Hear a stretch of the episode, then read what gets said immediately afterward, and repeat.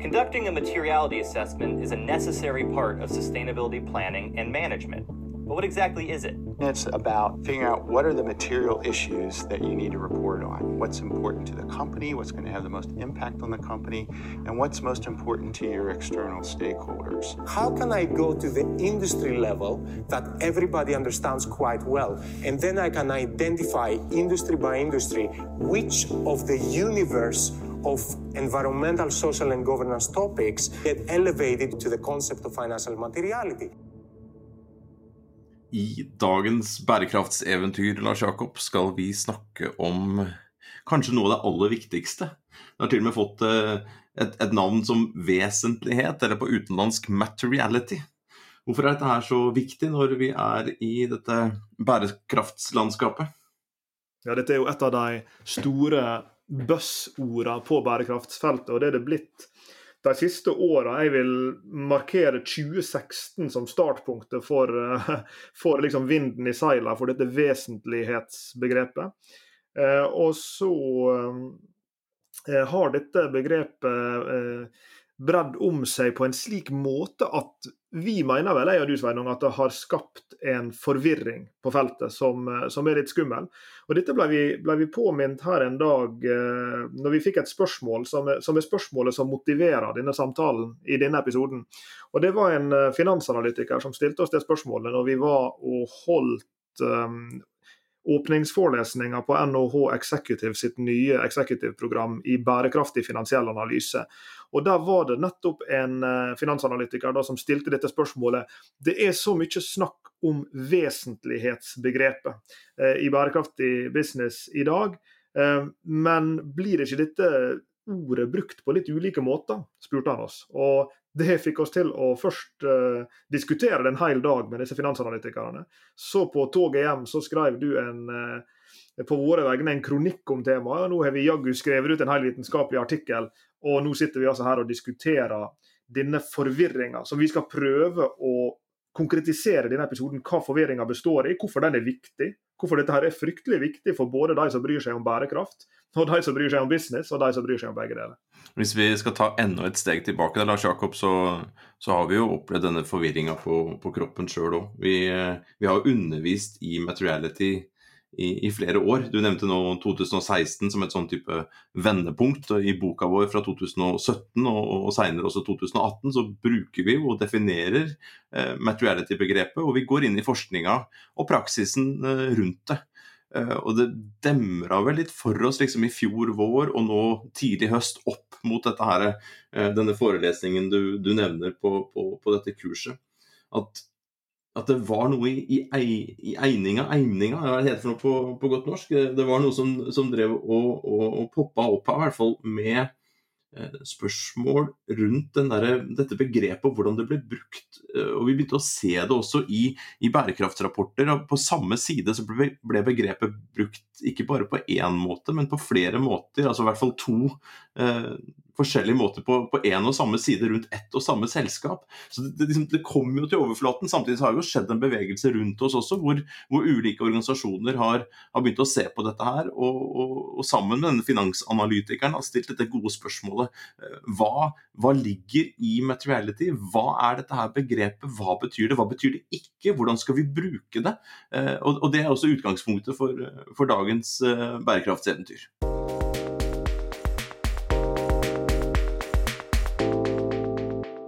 Nå skal vi grave oss ned i det her, men, men som den eh, våkne lytter vil høre, så er det fare for å bli veldig abstrakt her. Fordi vi tar altså et begrep som utgangspunkt. Men vi skal prøve å, å levendegjøre dette her, og, og nær sagt virkeliggjøre det. Eh, og, og, La oss starte med utgangspunktet. Hvorfor bruker en et ord som vesentlig når en snakker om, om bærekraft og når en snakker om bærekraftig business? Jo, alle bedrifter har fotavtrykk. De slipper ut utslipp. De forbruker naturressurser. De har ansatte som lever og jobber under mer eller mindre gode eh, forhold. De har eh, kjøretøy, de har bygninger, de har utstyr, de har alt mulig som forbruker ressurser, som genererer utslipp, som har positive og negative eh, virkninger på, på ansatte, på lokalsamfunn, osv. osv. Dette er jo grunnlaget for bærekraft. Det er grunnlaget, Lars Jakob. Men du begynte nå i litt sånn negativ, eh, et negativt hjørne her. Altså eh, med forbruket av ressurser, bygninger, energi, det som blir produsert. Og det er jo lett å tenke på, på, på bedriftene og de, det vi kaller de negative eksternalitetene, eller det vi har brukt en sånn metafor som skyggeside av bedriftenes skyggeside. Og så på tampen der så sier du ja, og så er det positive eksternaliteter, positive sidevirkninger også. Så den første, første man må på en måte begripe om dette begrepet vesentlighet, eller materiality, er at det rommer både de negative og de positive sidevirkningene. Er du enig? Jeg er helt enig, men grunnen likevel til at jeg begynner med det negative, er at hvis vi tenker på det historisk, hva var grunnen til at selskapet begynte å rapportere på disse fotavtrykkene? Jo, det var fordi at det var ganske mye sinne, og frustrasjon og usikkerhet og, og bekymring rundt ja, hvordan er det egentlig disse verdiene blir skapt. Ja? Så hvis du går tilbake igjen og ser på de første det het ikke bærekraftsrapporter den gangen, men sånne ikke-finansielle rapporter. Eh, etisk regnskap heter det til og med den gangen. Ethical accounting. Altså Det var mange ord på det før dette her ble det som vi i dag kjenner som bærekraftsrapportering. Så er det jo veldig liksom, orientert mot og det er sånn, Eh, skriftemål. Her er, her er liksom problemene vi har skapt, og vi jobber med å gjøre dem bedre. Men jeg er selvfølgelig helt enig med deg at en god bærekraftsrapport den tar jo like mye for seg de positive fotavtrykkene som de negative, fordi at vi burde være like interessert i begge to. Så det er jeg 100 enig i. Så vi begynte her nå med Kall det eksternalitetene. Vekt på det negative, men også det positive. Og så trekker du inn et annet begrep her. Bærekraftsrapporteringa, sier du. Så, så, så, disse her tingene henger sammen. Jeg skal spørre deg, altså, Hvordan henger det sammen? Hvorfor er materiality viktig i disse rapportene som nå har vokst fram? For du sa at I, begyn i begynnelsen så, så, var det ikke så mange rapporter, og vi kalte dem litt forskjellige ting. Nå har det blitt mer standardisert, det vet vi. Og så, har dette begrepet eh, vesentlighet fått et, et, et fotfeste her. Ja, og vesentlighet, hvis vi tenker på ordet vesentlig, det er jo sånn nesten synonym til viktig. Og, og, og det er jo egentlig så enkelt. altså Vesentlighetsbegrepet det handler om hvordan kan vi sortere ut de påvirkningene på samfunn og miljø som er viktigst. Altså viktigst i en eller annen forstand. og Vi skal komme tilbake igjen til i, i hvilke forstander det, det, kan bety, for det finnes flere måter noe kan være viktig på. Men, men det er det som er poenget. at En, en hvilken som helst bedrift kan ikke løse alle problemer. De kan ikke være med på å skape alle de positive ringvirkningene. De er kanskje rigga bedre for å løse noen problem. De er kanskje mer ansvarlige for noen problem som de har vært med på å skape enn andre. Og, og, og det er jo sånne typer diskusjoner som ligger til grunn her.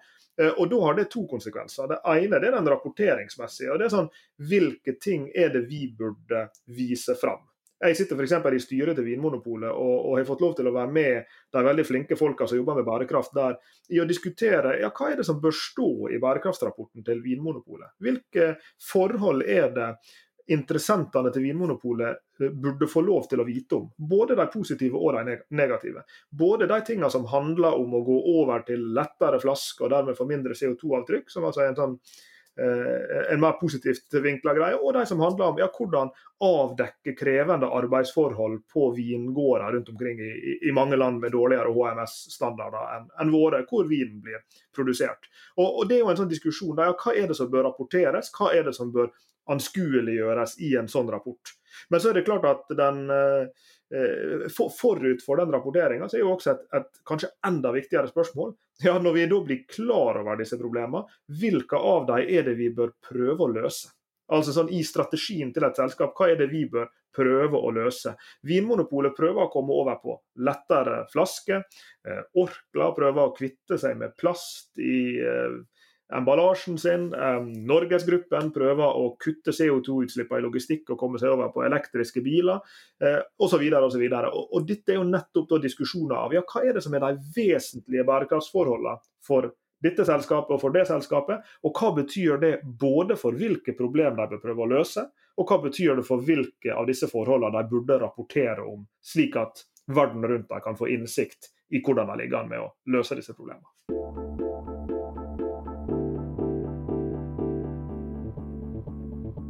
Så vi kan kanskje si da at i, i begynnelsen var bærekraftsproblemet. Mm. Og i begynnelsen så var også bedriften. På godt og på, på vondt. Eh, vi har jo lenge argumentert for at eh, bedrifter er problemløsere. De løser problemer for kunder, eh, de løser problemer for samfunnet. Men på den andre siden så kan jo en bedrift også skape problemer. Og, og, her ligger jo liksom, og, og, bærekraftsproblemet, som vi vet da, med sine ulike dimensjoner, og som vi har diskutert på, i, i tidligere podkastepisoder, eh, knytta til f.eks. disse bærekraftsmålene. Du har disse sosiale dimensjonene, miljødimensjonene og vår felles eh, økonomi. Og så har man da bedriftene. Så, og, og, man begynner å se seg sjøl i, i speilet, disse bedriftene. Og man begynner å bli påkrevd at man skal rapportere på det. Eh, til investorer, til myndigheter og til andre interessenter. Så en, dagens bedriftsleder må jo være mye, mye mer bevisst på hvilke problemer den bedriften skaper i dag, og hvilke problemer den løser og for hvilke interessenter eh, per i dag. Og Vinmonopolet er jo et, et, veldig godt eksempel med en lang verdikjede, helt fra gården til ganen, på en måte, eh, hos oss eh, forbrukere, men etterpå også med eh, avfall, Uh, og den er i stor grad vært lineær, for hva skjer med avfallet? Hva skjer med glassflaskene etterpå f.eks.? Hva skjer med avfall i, i, produksjonen underveis? Hva skjer med de delene av, av, av, av druen som ikke blir brukt i, i vinproduksjon f.eks.? Så man kan gå da inn i hele verdikjeden. Og her er jo den vesentlighetsdiskusjonen begynner. For hva er vesentlig for en aktør som Vinmonopolet, men var også vesentlig langs hele verdikjeden. og Det er veldig veldig konkret. da. Om du er da en som, som selger frø, eller som, som, er inne og selger gjødsel, eller om du er en, en, bonde, om du er en produsent, om du er den som distribuerer eh, vin, eh, ent, altså enten råvarer eller ferdig vin. Eh, så kommer forbrukeren inn i bildet, og vi vet det er eh, alkoholproblemer, altså sosiale dimensjoner knytta til forbruk, knytta til helse. Så hvordan kan man eh, balansere dette her og finne, finne sin rolle? Så den, når, når man da gjør en vesentlighetsanalyse av Vinmonopolet eller av noen i denne bransjen. Eh, vi, jobber, vi har jo vært veldig interessert i, i, Carlsberg veldig lenge og fulgt deres bærekraftsrapporter i flere år og sett hvordan de har sett på disse vesentlige problemene de skaper, og hvordan de integrerer dette her inn i deres strategi og forretningsmodell på en sånn måte at de kan redusere da, det negative fotavtrykket i hele verdikjeden sin, men også sørge for at folk forsøker med å sørge for at folk drikker ansvarlig. At ikke yngre eh, mennesker drikker i det hele tatt, og at folk ikke drikker for mye, at det ikke blir helseplager osv. Så, så, så vi, vi, det, vesentlighet da, og materiality i, i sin, liksom, eh, og, og, inn i disse rapportene, det handler jo om da å se på bedriften på godt og vondt, og plukke de tingene som er viktigst, og integrere dette her i strategien og forretningsmodellen på en sånn måte at man reduserer det fremtidige eh, eh skyggen, da, eller de negative eksternalitetene, og øker de positive. Og Derfor kan du gå inn både på Vinmonopolet sin nettside eller på Carlsberg sin nettside, for å ta de to eksemplene. De har jo til og med litt med hverandre å gjøre, de den tilstøtende bransjer. Uh, og, så vil du kunne finne vesentlighetsanalysen, som du sa. Så det var et nytt ord her.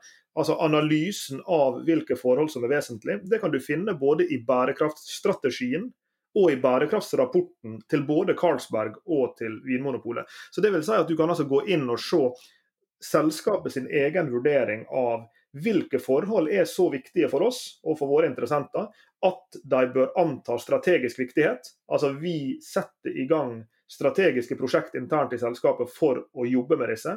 Og så i forlengelsen av det, disse vesentlige forholdene er også de som vi rapporterer særskilt på, slik at du kan se at vi forbedrer oss med hensyn til ansvarlig drikking, vi forbedrer oss med hensyn til fotavtrykket av emballasjen vår, vi forbedrer oss med hensyn til CO2-avtrykk i logistikkleddet osv.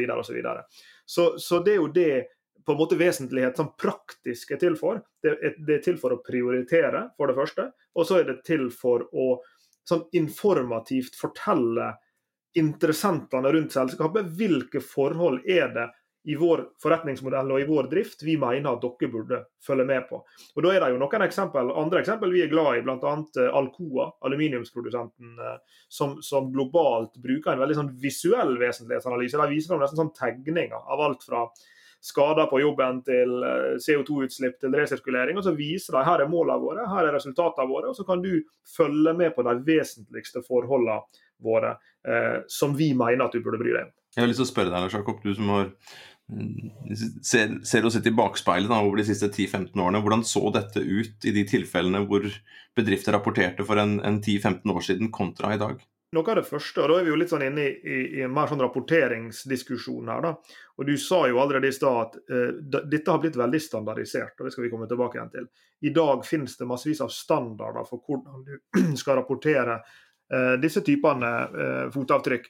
Det fantes jo knapt nok den gangen. Det var sånn gryende start. Jeg husker jeg holdt første forelesninga mi om, om, disse typene CSR-rapportering, kalte vi det vel da.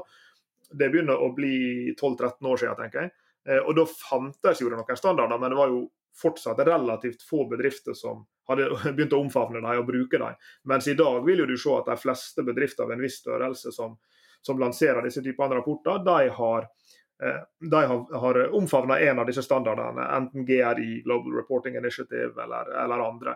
Eh, og, og, Da er vi jo litt tilbake på, på et, et, annet utgangspunkt for denne samtalen, nemlig regnskap og rapportering mer generelt. Fordi at det er klart at, at En bærekraftsrapport det er jo det som vi kaller for en, en ikke-finansiell rapport.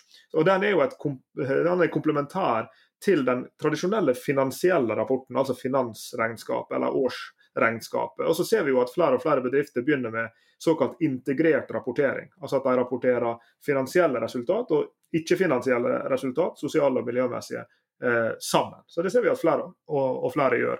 Og Det er jo nettopp der denne vesentlighetsdiskusjonen har tatt fyr de siste åra.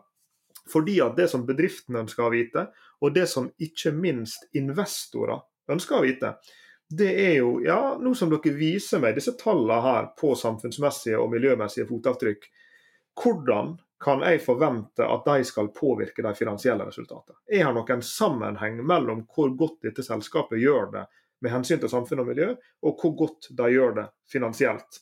Og Grunnen til at dette er blitt så mye diskutert, Sveinung, det er jo nettopp fordi at forskninga på disse temaene her har begynt å tilsi at jo, her er det en sammenheng. Du, du, hadde to gode sånn samlebegrep her i stad, Lars Jakob. Prioritere og kommunisere. skrev jeg. Altså hva skal man prioritere? Hvilke eksternaliteter, positive og negative, skal man prioritere, og hvordan skal man og, og kommunisere dette? Ikke bare hvordan skal man, men, men, hva skal man da kommunisere? Både til investorene og andre interessenter. Og så ble det satt et lite likhetstegn da, mellom det som var vesentlig, og det som ble var lønnsomt. Og, og, dette her springer jo ut av en artikkel, jeg tror det er 2016, Khan, Khan et al., har jeg ikke, har ikke Lars Jakob, hvor de, hvor, hvor de, begynte å se på de første bevisene for sammenhengen mellom lønnsomhet og vesentlighet. Og så gjorde de da studier bakover i tid, en 20, 20 års tid, haugevis av, av, bedrifter, og så så de på sammenhengen mellom hvilke tiltak de bedriftene i ulike bransjer investerte i, og avkastningen deres eh, på disse investeringene. Og Da kunne man se at de som prioriterte de mest vesentlige hensynene, de hadde høyere lønnsomhet enn de som prioriterte de ikke-vesentlige bærekraftshensynene. Og Her begynte det å bli litt sånn eh, eh mange som, som, som løftet opp fanene for bærekraft er lik lønnsomhet. Eh, og da begynte begynte vel denne kimen til, til denne forvirringa som vi nå eh, vi forsøker å, å engasjere oss i og, og, og, bli med å rydde opp i, og, og, flere andre sammen med oss. Det er riktig. Disse tre forskerne som du henviser til, um, Musaffar Khan, George Sarafaim og Aaron Yoon, alle tre på det tidspunktet i alle fall tilknyttet Harvard, de skrev da denne artikkelen som heter 'Corporate Sustainability First Evidence on Materiality'. Altså med andre ord de første bevisene om vesentlighetens effekt på eh, bærekraft og på, på business-konsekvensene av, av, bærekraft. Og, og, Dette er jo en av de sjeldne sånn eh, eh tekniske regnskapsjournalartiklene. For dette er skikkelig tekniske greier. altså Til og med våre drevne masterstudenter som, som leser disse artiklene som del av pensumet sitt, syns at dette her er fryktelig fryktelig tunge greier. Men det er en av de få sånne tunge artiklene som ble plukka opp av Financial Times, Bloomberg, Wall Street Journal osv. Og, og så ble det overskriftsmateriale. Harvard-forskere finner ut at det er en metode, det er en oppskrift for å få bærekraft til å lønne seg. og Dette var jo det en menighet av bærekraftsentusiaster over hele verden som omfavna med åpne armer. Endelig! Endelig! Kanskje også strategifolk, eh, PR-folk, kommunikasjonsfolk, folk som oss, Lars Jakob. Altså begynte å se på Oi, her, her begynner vi å se en, en, noe bevis på at, eh, at, det faktisk kan lønne seg. Vi har jo lett etter eh, sammenhengen mellom ansvarlighet og lønnsomhet i, i, mange år. Å få en sånn artikkel som det er liksom Oi, se her! Her er det noen sammenhenger. Det er ikke bare, det er ikke bare, det er ikke bare prat lenger at det kan være lønnsomt å, å, være bærekraftig. Eh, og ikke bare det, Man kan også her få en oppskrift på hvilke bærekraftstiltak man bør prioritere. Eh, men i dette her, når, dette her kom, kom inn da, i denne diskursen med, med, mange ulike interessenter, eh, både i bedriftene og utenfor bedriftene, i akademia og, og hos andre, så, så, så, så, begynte man å ta det nesten for gitt at Eller for å være konkret, da, hvis vi går tilbake til Carlsberg som lager øl. Og, og, så sitter du der, og så er du ansvarlig. da. Du jobber med regnskapet, du jobber med den ikke-finansielle delen av regnskapet inn til en integrert rapport. Og så sitter du der med dette problemkomplekset. Hele verdikjeden. Fra bonden og kornet til produksjonen til konsumenten og, og, og avfallet etterpå. Og så, og, så, så, blir spørsmålet når du sitter der og har ansvaret for å rapportere dette her, for du skal prioritere og kommunisere de viktigste tingene. Har da denne lederen og det teamet friheten til å velge sjøl hva som er vesentlig for bedriften, eller skal de se på da en liste for å finne ut dette her? Kan de f.eks. si at jo, det som er viktig for oss, det er alkoholkonsumet. Det som er viktig, og, og, og der må vi eh, redusere helseskadene. Det er viktig for oss. Det er en vesentlig faktor for oss. Og, og, så skal man da kunne si til investoren at jo, og hvis vi investerer i det, så vil det også bli lønnsomt. For det er lønnsomt for oss å selge mindre alkohol, og selge den alkoholen til de riktige folka. Men sånn på, i regnskapet så kan jo det føre til mye mindre omsetning. Eh, ikke nødvendigvis at omdømmet til virksomheten blir så mye bedre bare for at den selger eh, og, eh, til, til de rikt, riktige mengde til, til riktige folk, og bidrar på ulike måter med informasjonskampanjer osv. Det er jo ikke nødvendig at det vil føre til lønnsomhet, like lite som det vil føre, nødvendigvis føre til lønnsomhet å si at ok, den, den ølet vi selger i Afrika, da skal vi uh, ha innkjøp lokalt av, av, av, råvarer til den produksjonen. Vi skal også produsere det lokalt, eh, fordi det er viktig for oss å skape lokale arbeidsplasser.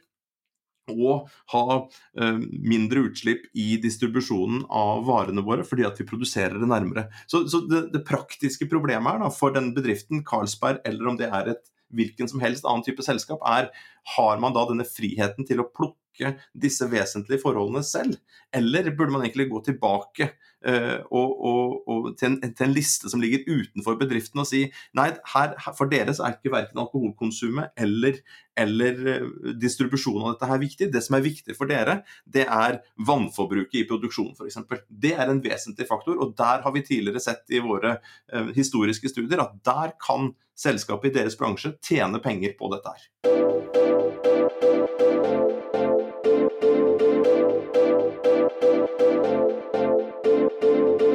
Nå som det føles Sveinung, som at vi er ganske nær målet og komme inn på kjernen av forvirringa, så skal jeg få dette til å føles som en episode, ikke episode, som en uh, runde monopol, og så blir det rykt tilbake til start. Fordi at Det som vi er nødt til å, å håndtere nå for, for, å kunne komme enda tettere inn på kjernen av dette problemet, det er disse standardene som finnes for rapportering. Og Det finnes mange av dem, egentlig altfor mange. Men det er to dominerende standarder ute i dag som, som, vi vel trekker opp som litt de to som kanskje er med på å skape forvirringa. De to er på hver sin måte veldig utbredt. Og Da skal jeg ta en liten, kjapp innføring her nå i, i disse to standardene. Og Den ene heter GRI, Global Reporting Initiative, står det for. Og den andre den, den kalles SASB, etter navnet på, på denne organisasjonen som, som lager standardene. Altså SASB, SASB, Sustainability Accounting Standards Board. Altså det styret som lager standardene for bærekraftsrapportering. Så disse to ulike institusjonene her, de har, eh, for å, å komplisere det litt, hver sin måte å beskrive vesentlighet på. GRI-standarden det er den mest utbredte rapporteringsstandarden i verden. Så Det er altså det, den standarden flest selskap, også her i Norge, bruker når de skal lage sine bærekraftsrapporter. Da er det en, noen retningslinjer for hvilke ting du burde rapportere på. Det kan være CO2-utslipp, det kan være kvinneandel i ledelsen, det kan være ja, det ene med det andre. Eh, og, og, Da er det jo der selvfølgelig noen, noen uh, råd for hvilke ting du bør rapportere på i ulike bransjer osv. Men i GRI sitt rammeverk så opererer de med en måte å snakke om vesentlighet på som er funksjon av to dimensjoner. Og Dette viser de til og med fram i et sånn todimensjonalt diagram. Av, eh, hvor, hvor, den ene aksen uh, det er hvilke forhold er det som er viktig for interessenter sine vurderinger av selskapet. Med andre ord, hva er det kundene dine bryr seg om? Hva er det ansatte bryr seg om? Hva er det eh, aktører i bransjen bryr seg om? Hva er det regulerende myndigheter bryr seg om? Det er den ene aksen her. Og Hvis du f.eks. er en fiskeoppdretter, så vil antageligvis eh, medisinbruk i fisken, eller fiskerømning, lakserømning fra en lakseoppdretter, sånne type ting, det, det vil typisk disse eh, lokalsamfunnene rundt og andre interessenter bry seg om. Så Det er den ene aksen. Så er den andre aksen til GRI, som de også vurderer dette langs, det er hva er viktigheten av påvirkninga på samfunn og miljø av disse ulike bærekraftsforholdene. Og Dette er viktig. Altså, Hva, hva er påvirkninga, den faktiske påvirkninga? Ekte bærekraftspåvirkning. Det er den andre aksen. Og Langs disse to aksene da, så kan du plotte forhold. Så kan du si at jo, eh, lakserømning det burde ligge høyt oppe her. fordi at det blir både vurdert som viktig av folk, og det har en betydelig effekt på, på eh, nær sagt livet under vann. Og så vil du kunne plotte ting da av varierende viktighet langs disse to aksene, og på den måten finne ut at basert på GRI-standarder, så er det disse forholdene her som er vesentlige, altså i betydninga viktige for interessentene våre, og de har betydelig bærekraftspåvirkning. Det er GRI-vesentlighet. Supert. Og du skal få lov til å ta SASBI-vesentlighet om et, et lite øyeblikk. Men hvis vi tar tar det blikket da inn og tenker at, at vi er flue på veggen hos, uh, Carlsberg. Og Der sitter et, et team med, med, dyktige folk med ulike typer kompetanser, uh, og så skal de vurdere uh, hva som er vesentlig, og de bruker GRI-rapportering. og Da ser de på hele verdikjeden. Fra, fra bonden til ganen og hele veien til, til avfallet. Og så kan de da se på hva er, det er, hva er det de ulike interessentene langs den horisontale aksen Hva er det de ulike interessentene syns er viktig? Hva syns de ansatte er viktige? Hva syns uh, kundene våre er viktig? Hva syns myndighetene våre er viktig? Hva skriver og snakker influensere om om dagen? Hvor er akademia? Altså alle disse her ulike interessentene rundt der, og ikke minst hvor er myndighetene på dette her? Uh, hvor er myndighetene med, med hensyn til f.eks. etikk i verdikjeden? Kommer det en ny lovgivning der, eller er det ting som skjer her at vi er nødt til å ta vare på eh, de som jobber hos oss på en annen måte? Eller at de går inn og ser på eh, Er myndighetene veldig opptatt av alkoholkonsum i dag? Og er, er det en fare her for at, at avgiftsnivået nå blir hevet for å redusere alkoholforbruket, for at vi selv ikke klarer å styre dette her? Og Da sitter de og, og, går gjennom disse her tingene. Hva er viktig for interessentene, hva er viktig for, for, for miljø, samfunn og uh, vår felles økonomi. Og I et sånt skjema ja, da kan man putte øverst oppe i høyre hjørne, hvor man både da har skåret på den horisontale eh, aksen med de ulike interessentene, og bortover viktigheten for bærekraft da, eh, generelt. Og Da kan man jo plukke både vannforbruk, alkohol, distribusjon, CO2, kanskje sånn type sirkulærøkonomi, og begynne å tenke gjenbruk av flasker og resirkulering. Da kan det komme opp veldig mange, mange ting som også er viktig for bærekraft. Altså Ut av det så kan det jo komme et, et, eh, et Carlsberg, da, for å fortsette å, å, å bruke det eksempelet, et Carlsberg som faktisk har redusert de negative Eh, sidevirkningene, skyggesiden sin, og økt den positive ved å skape flere arbeidsplasser, ved å, å sørge for eh, bedre helse hos eh, kunder.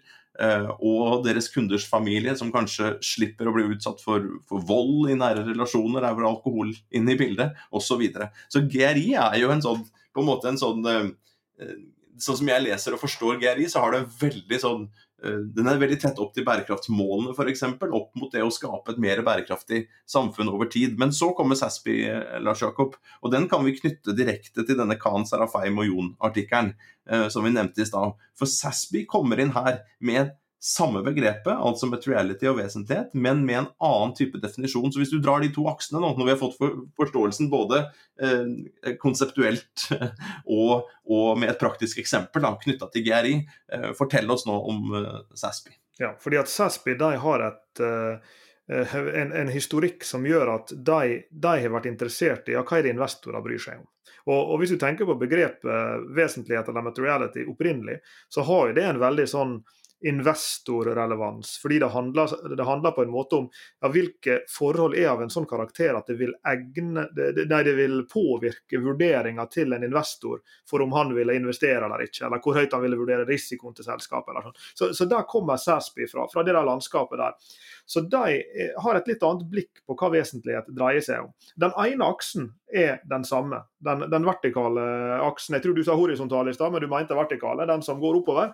Eh, der, der, er det det samme. altså Hvilke forhold er det som er viktige for interessentene? Så, så det, det, anerkjenner Sæsby som, som en av de to forholdene du, du bør tenke på når du skal velge ut disse typene forhold. Fordi Sasby, akkurat som GRI vil si at jo, en influencer kan plutselig sette, sette, tonen. Sofie Elise kan plutselig skrive en bloggpost om palmeolje, og så betyr det noe for, for norsk matvarebransje. ikke sant?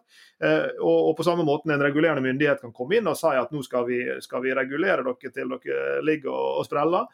Uh, og, og, det er ikke noe bedriften kan nær sagt gjøre med det, men de må forholde seg til det.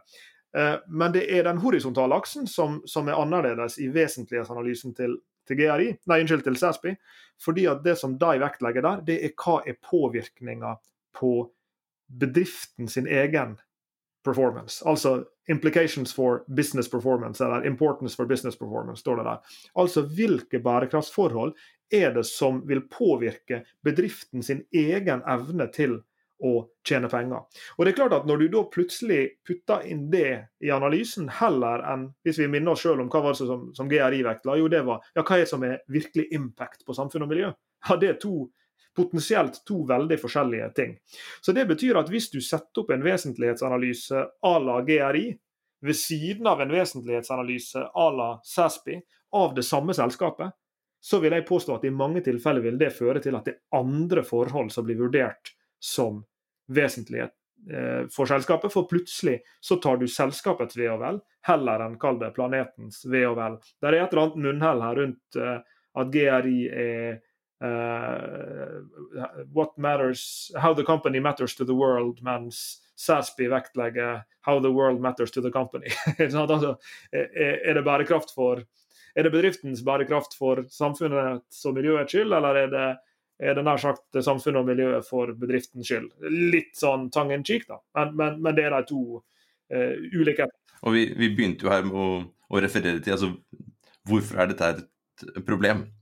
Uh, og når vi ser i regnskapsrapporter at en og samme bedrift bruker dette begrepet på to forskjellige måter, Altså de bruker vesentlighet både da for å forstå hva som er viktig for verden, og vesentlighet for å forstå hva som er viktig for bedriften. Eh, og som du sier, da vil man ha to forskjellige vesentlighetsanalyser.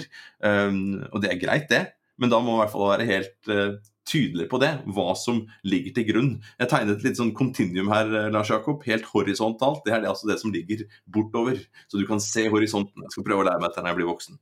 Så, så, så skrev jeg liksom financial reporting kontra non-financial reporting. Altså som, for det, i, i begynnelsen, igjen, ennå før bærekraftsproblemet, så var jo i begynnelsen var eh, regnskap. Og regnskapet det, det har jo vært eh, ligget der. Man har hatt uh, lover og utdanninger og reguleringer og revisjonsselskaper og alt mulig rart knytta til, til, regnskapet. Uh, vi vet at det er mye kreativ regnskapsføring også, og at det skjer At det kan skje både bevisste og ubevisste feil i regnskapet også bevares. Men så kommer dette bærekraftsregnskapet, eller det du kalte da et integrert regnskap, regnskap inn. Men SASBI for meg så virker det som det ligger nærmere den finansielle rapporteringa. Mens eh, GRI eh, holder stand, eller prøver liksom å holde fast på en non-financial eh, rapportering. Eh, forstår du hvor jeg vil hen? Er bildet riktig? Ja, absolutt. Og så sier du noe viktig her. og det er at det er jo ikke noe problem jeg er helt enig i det. Det er jo ikke et problem i seg sjøl at en GRI-rapport bruker et annet vesentlighetsbegrep enn en SASPI-basert rapport gjør det. Problemet er når vi begynner å blande epler og appelsin, eh, eller epler og pærer, er det kanskje en sier på norsk. Eh, fordi en må vite hva det er en ser på. Og når disse bombastiske overskriftene kom da i Wall Street Journal og Bloomberg og hvor det måtte være, det viser seg at materiality matters, vesentlighet betyr noe. Hvis du bare identifiserer og prioriterer de vesentlige hensynene i bedriften, tar de vesentlige bærekraftshensynene, jobb med dem, så vil dette her kunne omsettes i lønnsomhet. Så er det altså utelukkende basert på forskning som bruker en SASB-forståelse av vesentlighet. Så Det betyr at hvis du ser på GRI-rapporten til et selskap, og så trekker du slutninger ut fra hva du finner i GRI-vesentlighetsanalysen om hva som vil være lønnsomt, ja, da har du allerede begynt å få, få et, eh, et, problem. Fordi at det er ikke nødvendigvis slik at de forholdene som blir vurdert som vesentlige av GRI, er de forholdene som vil være vurdert som vesentlige av SASB, og som er de som har vist seg å være lønnsomme. Og Vi skal komme tilbake til dette, her, har vist seg til. Men først, Sveinung, du tok en liten dypdykk i SASPI sine standarder. For de lista jo dette her opp. Det er jo veldig hjelpsomt. Du kan gå inn i en hvilken som helst bransje. Jeg tror det er 77 bransjer på tvers av 10 sektorer. Så har de standardspesifikke vesentlighetsfaktorer lista opp. Så da kan du, hvis du er henne som Maurits, så kan du gå inn på klær. Og så kan du gå inn på, på den undermengden som er jeg vet ikke fast fashion, men et eller annet, klesproduksjon eller noe sånt.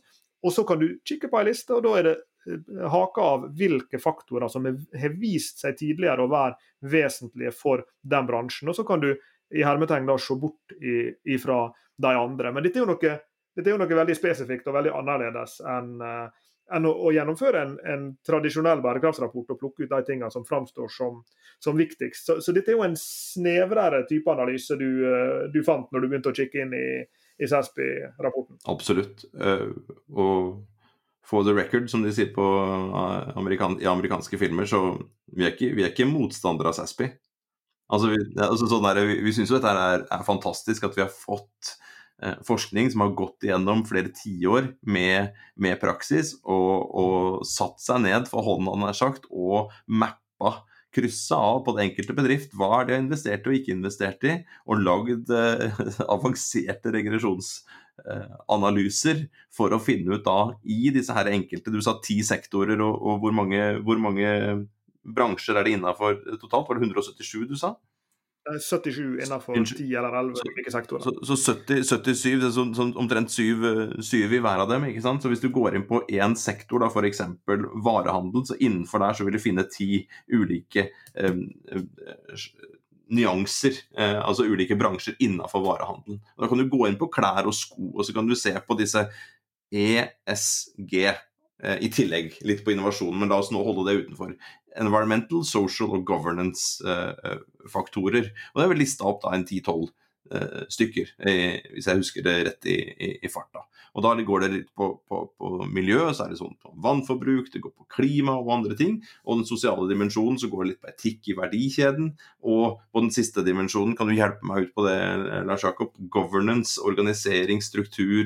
Ja, dreier seg jo om, om hvilke, typisk hvilke sånne uh, compliance-mekanismer som er på plass for å hindre Det kan være å hindre hvitvasking, det kan være standarder for å sørge for antikorrupsjonsarbeid, at en gjør due diligence i markedet en går inn i for derved å, å forhindre korrupsjon, mm. osv. Styringsmessige forhold. Og dette er jo viktige forhold. Altså, de har sett på ikke bare vesentlige forhold, dette her er virkelig viktige forhold som de har gått gjennom da tusenvis av selskaper over lang tid.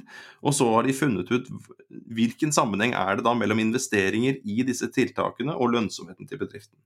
Og, og, ut fra det sånn historisk så kan de komme opp da og si at jo, innenfor, innenfor, uh, innenfor, bank eller innenfor varehandel eller innenfor flyproduksjon eller hva det er for noe, så har det vist seg historisk av å satse på enten sånn eller slik har gitt en, en, en avkastning. Og Derfor også tittelen uh, og, og analysen i denne 2016-paperet og de tingene som vi har sett etterpå. Jo, de som da investerer i de material versus da de non-material issues. Og non-material issues her er jo også vesentlige faktorer, men det er ikke så vesentlig for den sektoren og den bransjen. Uh, og så, så, igjen da, Vi er ikke imot eh, SASPI. Det er jo supert at dette er kommet. Det er jo supert at vi nå vet hva man Eh, har historisk investert i og fått eh, avkastning. Og i de bedriftene som har vært totalt motstandere av dette her, i ulike kulturer, vi har en annen podkast på det, altså bærekraft i ulike kontekster, i ulike kulturer og ulike land, ja, så, så, og, der hvor det er en motstand mot dette her i det hele tatt, så har man da sett at jo, hvis man da produserer sukker i Uganda, og så ser man at jo, eh, det er mye avfall på hvert eh, ut fra hvert enkelt sukkerkorn eller hvordan dette her ser ut, på planten, så er det mye avfall. Eh, og historisk så har man da tatt dette her og primært brent det eller latt det råtne. Det har en negativ, eh, negativ effekt på, på, på miljø, og kanskje også folks helse hvis du driver og brenner dette her. Og så har man da funnet ut gjennom analyser at de selskapene som har klart å ta dette biologiske avfallet og investert i i, i, anlegg som kan lage biodiesel eksempel, av dette her, og selger kraft i tillegg til å selge sukker, ja, da har man investert i et eh, bærekraftstiltak som er vesentlig for den bransjen. Og da kan man jo sitte der da i 2020 vel vitende om dette her. Og så kan du være i sukkerproduksjon, eller du kan drive med, med mais, eller i, drive med et eller annet i den samme sektoren. Så kan du si ok, her ser vi at den type investeringer har vært lønnsomme, for her har man kuttet uh, kostnader, man har kuttet utslippene sine. Uh, og man har kunnet hente ut det som gevinst til investorene. Ergo i en Sasby-forstand og i denne Khan Sarafay Mion-forstanden, så har man da funnet ut et vesentlig uh, forhold.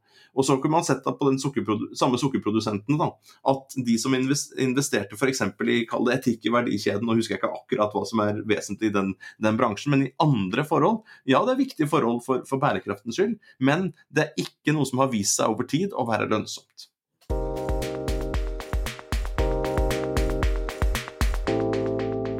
Skal vi prøve å oppsummere dette, så skal vi peke fram mot eh, et par viktige ting som er i ferd med å skje. fordi at Denne forvirringa vil kanskje kunne løse opp i seg nå pga. noen pågående utviklingstrekk. Så, så, det som du sier nå, Sveinung, det, det, leder oss mot en slags foreløpig konklusjon.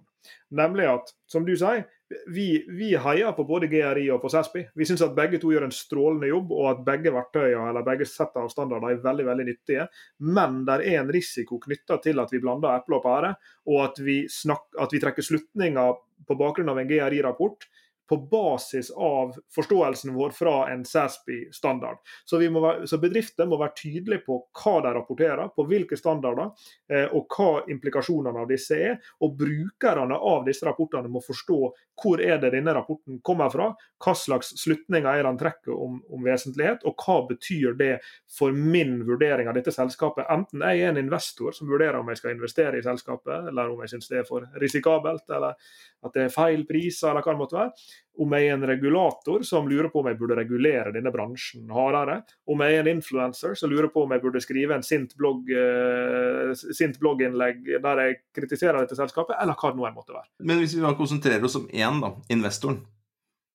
For investoren har en spesiell rolle i en kapitalistisk økonomi den, den, den, får igjen det som er til overs. Altså Etter at alle andre har fått sine kontraktfesta krav, så får investoren det som er til overs. Og Det kan investoren da velge å reinvestere i selskapet eller ta ut som utbytte.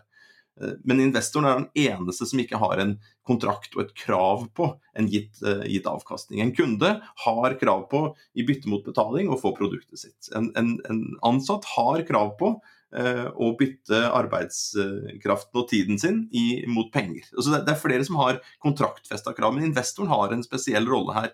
Og, og Derfor er jo investoren ekstremt viktig. Eh, og, og, og, ofte så blir investorblikket brukt for å forstå um, bedriftsøkonomi. Så hvis vi bare ser på investoren her, da. En investor som ser på en GRI-rapport, og en investor som ser på en SASPI-rapport rapport. Hvordan er det de kan bli lurt, Lars Jakob? Hvis vi tenker på det fra, fra eh, det som kan være bedriften sin påstand. da. Vi har gjennomført en vesentlighetsanalyse, og så har vi funnet de mest vesentlige faktorene. Og vår bærekraftstrategi den er bygd rundt å løse disse mest vesentlige faktorene. Ja, Det som investoren da bør stille som konkret, som konkret oppfølgingsspørsmål, det er ja, eh, vesentlig i GRI-forstand eller vesentlig i SASPI-forstand. Altså med andre ord, har, har, dere gjort denne analysen på bakgrunn av de forhåndsdefinerte vesentlige faktorene i SASPI, eller er det slik at disse her er på eget grunnlag generert fra en GRI-forståelse av hva som er viktig for interessenter på den ene sida, og hva som er uh, the significance of the sustainability impacts, som det heter på fint. Altså hvilke av disse forholdene som er viktige. For investoren vil kunne trekke feilaktige slutninger hvis det er sistnevnte som er tilfellet, hvis vesentlighetsanalysen er basert på GRI. Og Så kan du snu det, da, for jeg, jeg gir ikke meg på at vi må, vi må også se risikoen for andre brukere. Hvis du bare er en bekymra borger da, som bruker fritida di på å lese bærekraftsrapporter, og ønsker å trekke slutninger om hvor bærekraftig et selskap er, ja, hvis et selskap da sier at vi Eh, er, er, bærekraftige fordi, eller vi blir mer og mer bærekraftige fordi at vi håndterer vesentlige faktorer. Men så viser det seg at det har de gjort på bakgrunn av en Sæsby-analyse. Ja, Da ville kanskje en, en bekymra borger føle at ja, det er kanskje et litt for snevert perspektiv igjen. For da har dere gjort det som en investor ville bry seg om for å maksimere sin risikojusterte avkastning. Mens jeg som bekymra borger jeg ønsker jo at dere skal ta et bredere blikk på hva er det som er de egentlige viktige påvirkningene dere har på samfunn og miljø. Så her, her er det en risiko i begge grøfter. Altså. Og, og, det er jo en dimensjon til her, minst, og det er jo makt. da. For det er en risiko for bedriften å, å gå ut med en GRI-forståelse og si at man har eh, investert i de mest vesentlige forholdene. Um, akkurat som det er en, en, en, risiko for denne bedriften som gjør det på, med, med SASPI med en SASPI-forståelse av, av, av, av, vesentlighet. Fordi denne bekymra borgeren, det er jo én, men de kan organisere seg. Eh, som har sett rundt cruiseindustrien f.eks., hvor disse bekymrede borgerne organiserte seg og begynte å stille krav om, om, om rensing f.eks. av, av kloakk og, og annen avfallshåndtering om bord på skipene. Og Da begynner de å få makt eh, over, over, virksomheten. Myndighetene har makt over virksomhetene og kan eh, iverksette ulike tiltak rundt dette her. Eh, långiverne kan ha makt, de ansatte kan organisere seg på, på tvers. Eh, influenserne kan ha mye makt bare ved å være en influenser. Du nevnte uh, Sofie e-, Elise her uh, i stad, og, den, og denne, denne, denne, berømte posten hennes som, som, som, gjorde at uh, bedriftene ble sittende igjen med mye, mye sjokolade med palmeolje. Så den der maktdimensjonen der, altså det å forstå For hvis vi går inn i Karlsberg igjen, da, som sitter der og, og, og vurderer hva skal vi prioritere, og, hva, og hvordan skal vi kommunisere dette her til hvilke type interessenter. Og Velger vi en GRI-standard å gjøre det på, ja, så har det noen konsekvenser. Og velger man en SASPI-måte å gjøre det på, så har det noen konsekvenser. Jeg nevnte i stad for å gå inn for en, en slags landing her, en slags foreløpig landing. For Noe sier meg at vi vil komme tilbake igjen til mange av disse temaene i, i senere episoder. Både det siste du er inne på her, nemlig det som dreier seg om interessentanalyse. Ja, hvordan vurdere hvem som er de viktigste interessentene. Hvem er det som, ja, hva, hva slags interesse er det de har, og hvordan påvirker det vår vår virksomhet. Det, det, er jo kjempeviktige spørsmål i bærekraftig business som vi helt sikkert skal komme tilbake igjen til. Men hvis vi skulle, hadde vi vært på Karlsbergmuseet nå, der vi har vært før, så hadde vi vel tatt med oss en, en, et lite glass ut i, i, parken og satt oss ned og, og, og, sett mot solnedgangen eller soloppgangen eller hva du vil. For her er det noe lys i tunnelen. Her ble det mange metaforer på en gang. Eh, Altså, jeg, håper, altså, jeg, håper det, jeg, håper, hvis vi satt der og drakk øl, at det var solnedgang. Jeg, jeg tror, det, jeg tror det skal, Vi satt der, okay, og det var solnedgang. Fortsatt. Men da må vi eh, se fram mot denne soloppgangen uh, likevel. Fordi her er noe lys i tunnelen, var der jeg prøvde å, å komme meg til. Uh, I denne litt uh, smått kaotiske, metaforiske landskapet. Og her er tre ting som skjer akkurat nå, som er spennende. Det ene er at For noen uker siden så, så fikk det ganske mye oppmerksomhet at et, eh, et, dokument ble publisert sammen av SASPI og GRI, som vi snakker om her, i tillegg til et par andre organisasjoner, CDP, CDSB og IIRC. Vi trenger ikke å dra alle fulle navnene nå. Eh, og dette, Denne rapporten heter 'A Statement of Intent uh, to Work Together Towards a Comprehensive Corporate Reporting System'. Altså med andre ord, disse aktørene skal gå sammen for å forsøke å harmonisere standardene, slik at det skal bli lettere for oss å forstå hva det er vi leser og hva implikasjonene er. Det skal bli lettere for brukerne av sånne bærekraftsrapporter å forstå ja, hvis det står at noe er vesentlig her, hva er det det betyr at det er vesentlig, på hvilken bakgrunn er det framkommet at denne faktoren er vesentlig. og Det vil kunne hjelpe både investoren, den bekymra borgeren og regulatoren. Eh, så, så dette er jo et, et spennende sånn nær sagt organisatorisk grep de tar om dagen. De, kommer sammen og så prøver de å løse opp i disse kildene til forvirringa. Tror du, du, du har to ting på lista di. To ting.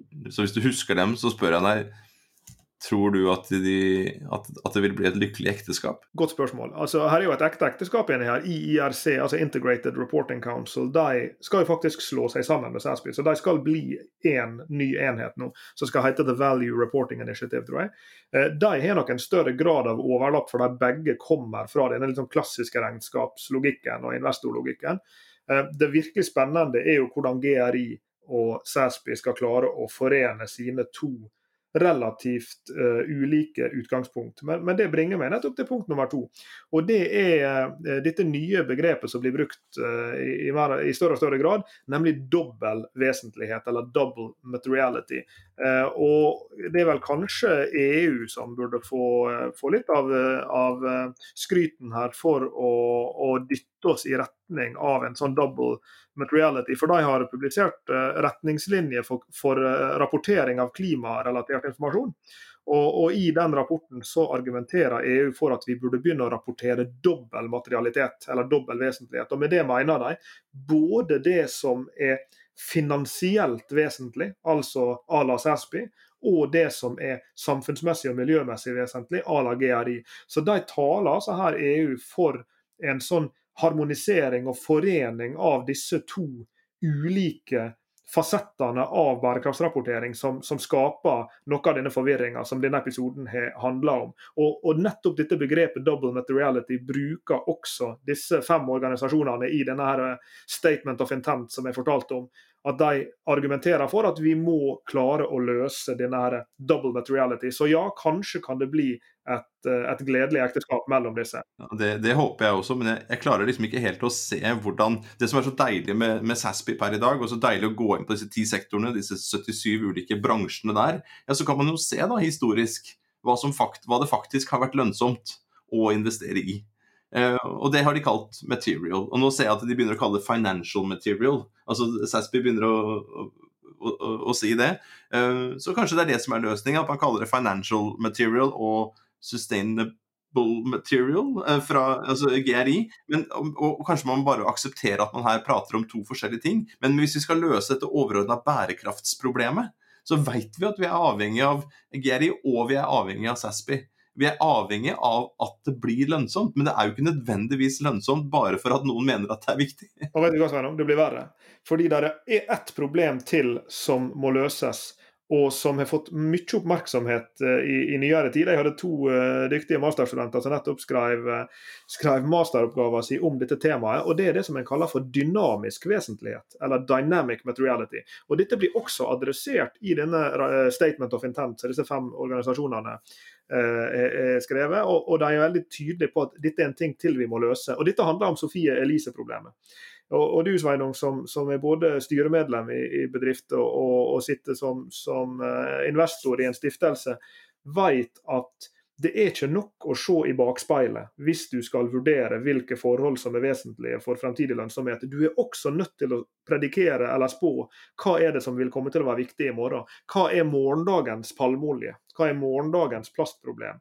Og, og, De klarte jo ikke å se palmeoljen, selv om de visste om fenomenet. Så det tok de på senga når Sofie Elise skrev bloggposten sin. Og, og, på samme måten, og det er det George Serafheim som jeg nå skal snakke om, som, eh, som er brukt som eksempel. Metoo tok jo bedrifter over hele verden på senga, og har blitt et veldig vesentlig forhold. og Det var jo ingen som hadde på radaren at metoo-problemet skulle poppe opp og bli viktig. Korona kan vi også snakke om, men det får bli en annen gang. Eh, men, men, her er det altså dette begrepet dynamisk vesentlighet, som er blitt diskutert på en nydelig måte i en artikkel eh, av Gene Rogers, som pleide å være direktør i SASPI, og denne forskeren George Serafaim, som skrev denne famøse artikkelen som viste at, at, vesentlige forhold er viktige for lønnsomhet. Og De skrev en artikkel som heter 'Pathways to Materiality', som handler om hvordan er det bærekraftsforhold blir vesentlige. Altså hvordan blir palmeolje vesentlig i Norge? Jo, Sofie Elise sin bloggpost. Hvordan blir metoo eh, vesentlig? Ja, det skjedde gjennom sosiale medier, det også, faktisk. Hvordan kan du spå hvilke forhold som per i dag ikke er vesentlige, men som vil komme til å bli det? Og Det er vel den store sånn million dollar question. Hvordan håndtere fremtiden i bærekraftsmåling og rapportering. Og Det må vi kanskje komme tilbake til en annen gang også, for det er jo i seg selv et så spennende spørsmål eh, at det krever å bli eh, besøkt igjen. Tror du lytteren er mindre forvirret nå? Forhåpentligvis er det mer struktur i forvirringa. Jeg er mer optimistisk, ass. Det er så bra. Vi håper på det. Og så kan vi jo kanskje si at eh, denne kronikken som jeg nevnte innledningsvis, den jo, har jo vært på trykk for en tid tilbake i Finansavisen. Vi skrev den sammen med vår gode kollega Aksel Mjøs, som er førsteamanuensis i finans.